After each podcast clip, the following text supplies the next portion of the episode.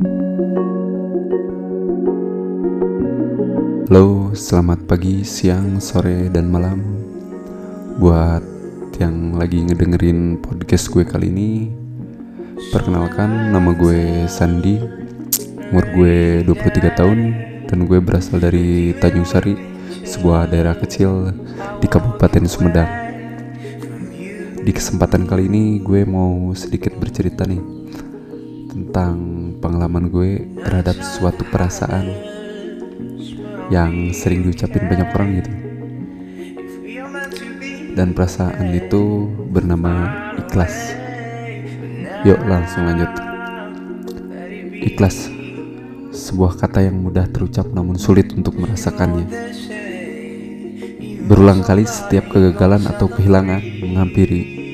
Kata itu selalu spontan terucap menjadi solusi mengurangi rasa penyesalan terhadap suatu kehilangan itu. Namun dalam arti sebenarnya gue gak pernah tahu gitu. Dan gue rasa ikhlas itu cuma sebuah kalimat pelarian untuk menutupi rasa ketidakrelaan atas sebuah perasaan kehilangan terhadap seseorang.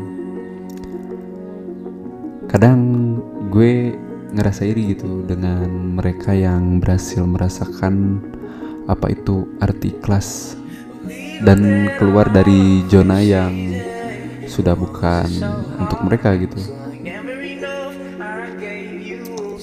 Dan ngomong-ngomong gue sekarang ada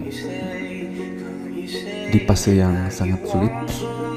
Dan mungkin gue sangat tidak suka dengan fase sekarang. Namun satu yang gue pelajari dari semua pengalamannya sebuah perasaan tidak mungkin membekas terlalu dalam jika kita tidak berharap terlalu besar terhadap sosok orang itu. Dan gue coba mengerti gitu. Ada banyak hal yang harus gue perbaiki setelah pencapaian ini atau fase sekarang ini gitu. Dan gak terlalu buruk juga sih. Meski hampir 50% dari sebagian yang gue lewati itu hanya membuang waktu namun banyak yang gue pelajari dari sebuah waktu yang terbuang itu. Tanpa waktu itu mungkin gue gak akan merasakan pasti seperti ini dan gue gak akan sadar gitu terhadap perasaan gue. Dan berkat perasaan ini juga gue bisa lebih sadar terhadap orang lain yang merasakan bahwa belum ter tercapainya apa yang mereka inginkan tergantung apa yang kita usahakan sebelumnya gitu. Takdir itu mungkin sudah digariskan. Namun nasib kita yang tentukan sendiri. Itu yang banyak orang katakan sih. Dan dari semua pengalaman yang gue rasakan itu terbesit di benak gue gitu sebuah quote yaitu berusaha sepenuh hati karena apa yang akan lo dapatkan nanti adalah hasil dari usaha yang lo lakuin di masa sekarang Sekian dari gue. Terima kasih.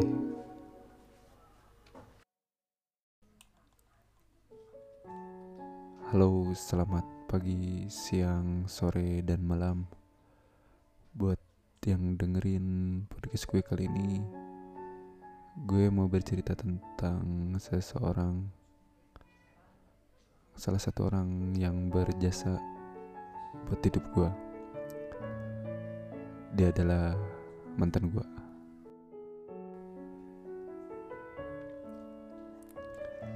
berbicara soal mantan eh, menurut gue banyak persepsi yang berbeda-beda tiap orang ada yang bilang mantan itu adalah jodoh orang lain yang pernah kita jaga dan ada juga yang bilang mantan itu adalah guru buat kita untuk menjadi lebih baik saat nanti bertemu dengan jodoh kita. Dan menurut gua pernyataan itu emang bener sih. Karena gue alamin itu sendiri. Walau saat ini gue belum bertemu sama jodoh gue, tapi emang artinya mantan buat hidup lo tuh itu sih guru Dan di cerita kali ini gue mau ceritain seorang perempuan yang berinisial SH. Dia tinggal di Tasik. Anak pertama dari dua bersaudara. Dan pertemuan pertama gue sama dia itu pas gue masih kerja di sebuah pabrik makanan di daerah Rancaikek. Singkat cerita, gue sama dia pacaran. Dalam perjalanan pacaran itu banyak hal yang gue lewati bareng dia. Meski kebanyakan ribut daripada romantisnya, tapi hubungan gue sama dia bertahan sampai tiga tahunan kurang lebih.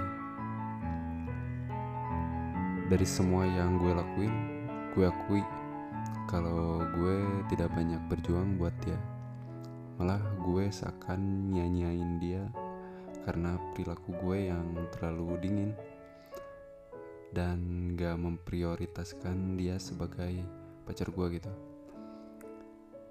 tapi yang dia gak tahu dan dulu gue gak tunjukin juga yaitu rasa dan harapan gue ke dia bahwa sejujurnya dia orang yang paling berharga buat gue saat itu Hingga pada suatu waktu gue sama dia elderan karena urusan kerja. Di masa-masa elderan itu gue mulai sadar begitu pentingnya kehadiran dia di samping gue. Namun begonya gue terus bertahan dengan sifat ego gue yang menurut gue sekarang salah dan sampai akhirnya karena masalah yang menurut gue kecil gua sama dia putus tanpa pernyataan kata putus beberapa waktu setelah gua putus gua sama dia masih intens dalam berkabar dan belum ada kecemasan akan perpisahan karena gua pikir akan baik-baik aja gitu dan bakalan balikan lagi seperti biasanya namun tiba di suatu malam dia ngabarin gua kalau dalam waktu dekat dia mau tunangan. Gua pikir itu cuma bualan biasa agar gua lebih mementingkan dia gitu. Tapi nyatanya omongan dia itu gak bohong dan benar terjadi. Di situ gue bener-bener ngerasain perasaan yang paling aneh gue rasain antara gue seneng atau sedih. Gue gak bisa bedain itu. Rasanya campur aduk banget lah hal itu juga yang buat gue untuk pertama kalinya nangis yang bener-bener nangis di depan orang tua gue karena di situ gue sebagai lelaki gak bisa lakuin apa-apa buat seseorang yang bener-bener gue sayang gitu. Dan ninggalin gue gitu aja. Dan alasannya pun karena dia dijodohin sama keluarganya. Di situ gue gak langsung nerima penjelasan dia. Karena menurut gue dan kenyataannya gue sama dia saling sayang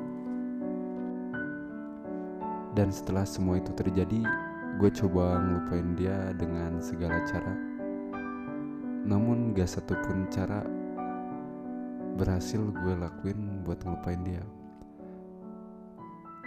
tapi setelah beberapa waktu berlalu, gue terus berpikir dan mencoba introspeksi diri. Akhirnya sedikit demi sedikit, rasa sakit mulai meredah dengan sendirinya. Menurut gue, Tuhan mempertemukan gue sama dia adalah agar gue lebih sadar akan kehidupan gue, bahwa banyak yang harus gue pelajari dan perbaiki setelah semua yang gue alamin.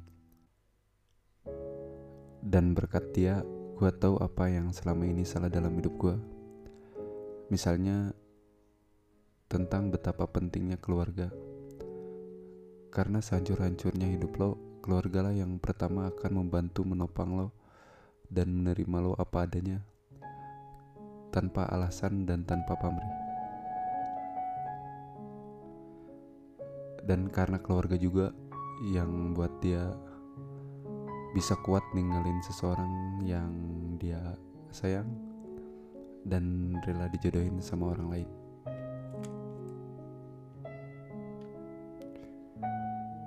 Sekian cerita mantan kali ini. Semoga ada hikmah yang bisa diambil dari cerita ini. Saya Sandi Rinjana. Terima kasih telah mendengarkan.